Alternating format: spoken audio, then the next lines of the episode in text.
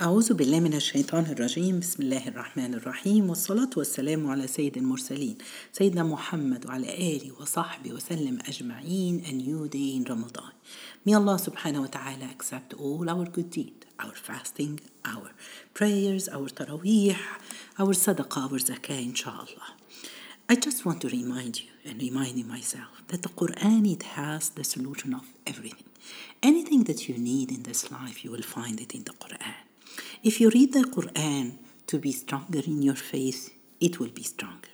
If you read the Quran to get rid of your stress, it will go away. If you read the Quran to get away from depression, it will go away. If you read the Quran to win the love of Allah, you will win the love of Allah. But the only thing is that let's go to the Quran. Let's recite the Quran. Let's try to understand the Quran. May Allah subhanahu wa ta'ala make the Quran useful for us and changing all our life. Today, inshallah, before we start, let's send salawat upon the Prophet, peace be upon him. Allahumma salli wa sallim wa barik ala Sayyidina Muhammad. Today, inshallah, with a new story with my grandma's story. One day, my grandma told me today's story is very interesting. It's a story of the only Sahabi. His name was mentioned in the Quran his name, the story of Zayd ibn Haritha. Who is Zayd ibn Haritha? Zayd ibn Haritha, he was a young boy when he was eight years old. He used to live in a tribe, not in Mecca, in a tribe out of Mecca, and he has been taken as a prison, and then these people they sold him as a slave in Mecca. So one man his name was Hakim ibn Huzam.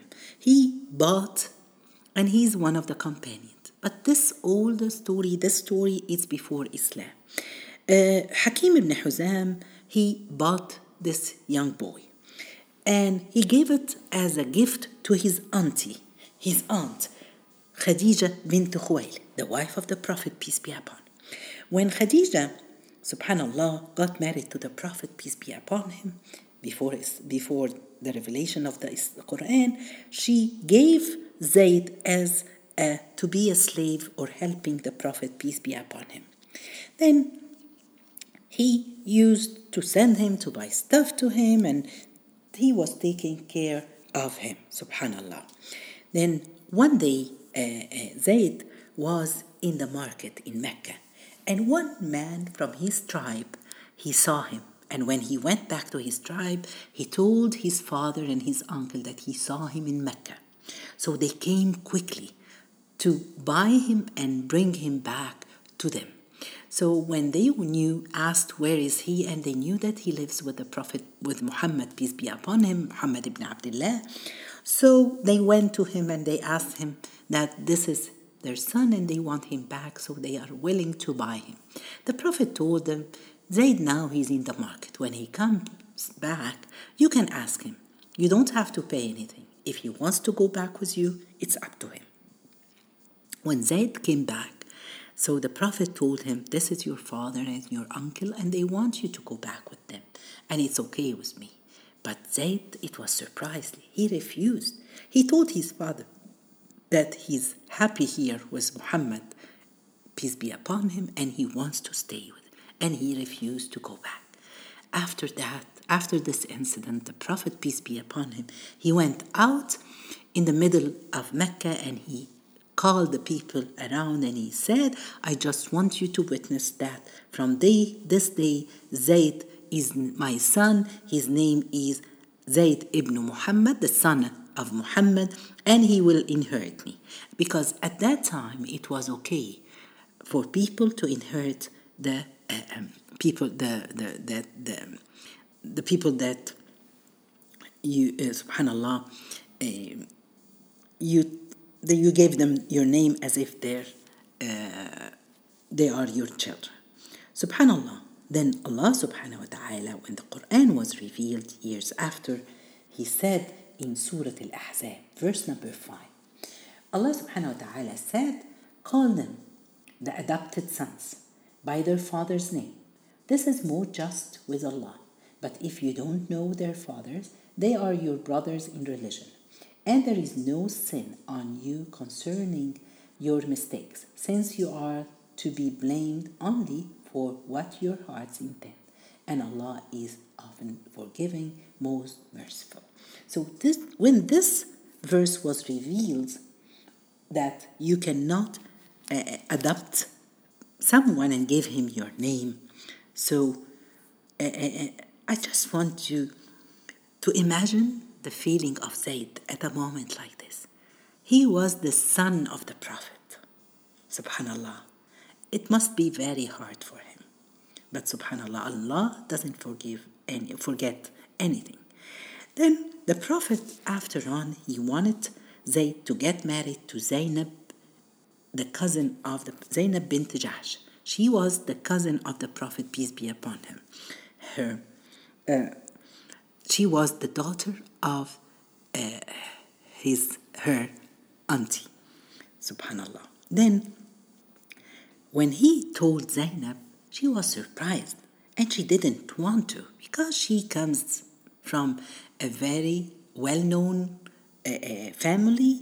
She's very rich she's rich and well-known family and he for zaid he was a slave. So she wasn't happy and she refused. And then uh, her son, her brother too, Abdullah ibn Jahsh, he refused to get married because that was not normal at that time that somebody from a famous uh, family can just marry from any uh, a person who is lower than them. Uh, then when Allah, when she refused, Allah subhanahu wa ta'ala revealed Quran in Surah Al-Ahzab verse 36 Allah said, It's not for a believer, male or female, to have options if Allah and His Messenger decree a matter. And however disobeys Allah and His Messenger, he has gone far astray. Subhanallah, when this verse was revealed, Zainab accepted to get married to, to Zayd. Uh, then she got married, but she always had this feeling she is superior than him. She's better than him. She comes from a better family. And and Zayd felt this all the time. And he was always complaining to the Prophet, peace be upon him, about his life with Zainab, that he is not happy and that he is always feeling the feeling that she has. But the Prophet, peace be upon him, always when he comes and complains, he told he tells them, you know what? It's okay. Be patient uh, uh, subhanallah uh, then Allah subhanahu wa ta'ala told the Prophet peace be upon him that Zayd will divorce Zainab and you Prophet Muhammad you will get married to Zainab subhanallah Allah subhanahu wa ta'ala said in um, verse 37 and remember when you said to him whom Allah has granted grace by guiding him to Islam, and whom you, Muhammad, O Muhammad, have done a favor to by freeing him. Keep your wife to yourself. That's how he, the Prophet always telling him, be patient, keep her for yourself. And fear Allah, hiding in your heart what Allah is going to make known uh, uh, that you are to marry Zayd's divorced wife. Fearing people whereas you had better fear Allah. And when Zayd divorced her, we caused you to marry her so that believers may have no sin if they marry the ex wives of their adopted sons, if they divorce them, and the command of Allah must be observed. Subhanallah. So he got, uh, he divorced her uh, the Prophet, peace be upon him, he knew that Allah subhanahu wa ta'ala will let him get married to uh, Zainab after that. But Allah here, He told the Prophet, You feared people? You shouldn't.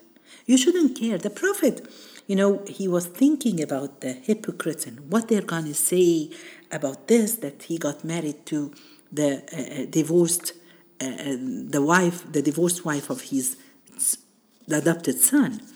So Allah subhanahu wa ta'ala here, after the Prophet peace be upon the Zayd ibn Harisa divorced for Zainab. Some of the scholars they said they stayed married for a year or so. We don't know exactly, but subhanallah, after she finished her iddah, then the Prophet peace be upon him got married to her. There is a question here. Because there is another verse, Allah subhanahu wa ta'ala, He said, or okay, if I'm the father that cannot marry the, the, the wife of the divorced son, uh, the adopted divorced son, how come he can marry, uh, uh, subhanallah, the real, uh, uh, uh, your real son? Can you do this? So you can if you don't know. Allah subhanahu wa ta'ala in the Quran, He said and prohibited the wives of your sons who are from your own lines. So it's forbidden in Islam. So a father cannot get married to the divorced wife of his son. It's forbidden in Islam. Uh, subhanallah. Uh, then uh, the Prophet, peace be upon him, he got married to Zainab bint Jahsh after that. And this was uh, something that the, Allah subhanahu wa ta'ala wanted to prove it. And we see this in that Allah subhanahu wa ta'ala, He wanted to make it clear that no one can marry uh, uh, the divorced wife of his son. Uh, subhanallah, Zainab bint Jahsh, became the wife of the Prophet, Ummina, the mother of the mother of the believers. She was always happy and she was, you know, showing off amongst between the other wives of the Prophet, saying that I am the one, all of you, uh, you have your father as your wakil to get married, but for me, uh, Allah subhanahu wa ta'ala made me married to the Prophet, peace be upon him, from above seven heavens. And she was always telling the Prophet, peace be upon him, uh, uh, uh, I should be, have a special treat uh, on you. And the Prophet used to smile. Why? And she said, Because my grandfather and my grandma are the same. We have the same grandma and grandpa. Uh, the second thing she said, um, Allah subhanahu wa ta'ala married me from above seven heavens. And the third thing she was saying that uh, uh, uh my, um, uh, what do you call it? the one, you know, the ambassador for me from, for in my marriage is Jibril when he came up with the wahy telling you that you will get married to you. Subhanallah, she was happy about this. What I want to say, let's learn a few lessons from this. Number one, don't you ever fear people. Don't you ever worry about what people, other people will say. It doesn't matter. What should matter with us is what Allah is saying in this, in this action that you're doing. Is He going to be pleased with it? Or it's something that you're doing something against the will of Allah subhanahu wa ta'ala. You have to know that never people will be satisfied with you 100%. It doesn't matter. And we have a problem here, a lot of us. You know, when, uh, especially with our kids, we show them sometimes, don't do this because auntie will say this, or grandma will say, or our neighbors will say that. No. When you tell your son or your daughter, don't do this because Allah doesn't like us to do this. Because this is not acceptable in Islam. This is the way we teach them and we pass this knowledge to them. So they don't fear anyone other than Allah. And then the second thing that we have to learn that, that we have to obey whatever Allah and His messengers come with. So this is a very important thing. We have to be very careful with this thing. Don't be afraid of any human being other than Allah. The third lesson that we learn just about the only Sahabi or the companion that his name was mentioned in the Quran is Zayd ibn Harith. Zayd, Allah mentioned him here in uh, uh, Surah Al Ahzab. Subhanallah. That Allah subhanahu wa ta'ala said that uh, uh subhanallah just because allah doesn't want to break the heart of zayd because he was named Zayd ibn Muhammad and then Allah all of a sudden he took this name out of it. So Allah subhanahu wa ta'ala wanted to please him, want him not to break his heart because of this. And he was the one. Even Abu Bakr and Umar and Ali, their names were not mentioned in the Quran. The last thing that we learned that there is no adoption in Islam that you give them your name. But it's okay to adopt someone, taking care of him, spending uh, money on him and taking care, but don't give him. It's an Islamic rule. We cannot change it. This was the story of today. The only companion name mentioned in the Quran was Zayd ibn Haritha and his story here in Surah Al-Ahzab. جزاكم الله خير سبحانك اللهم بحمدك أشهد أن لا إله إلا أنت استغفرك وأتوب إليك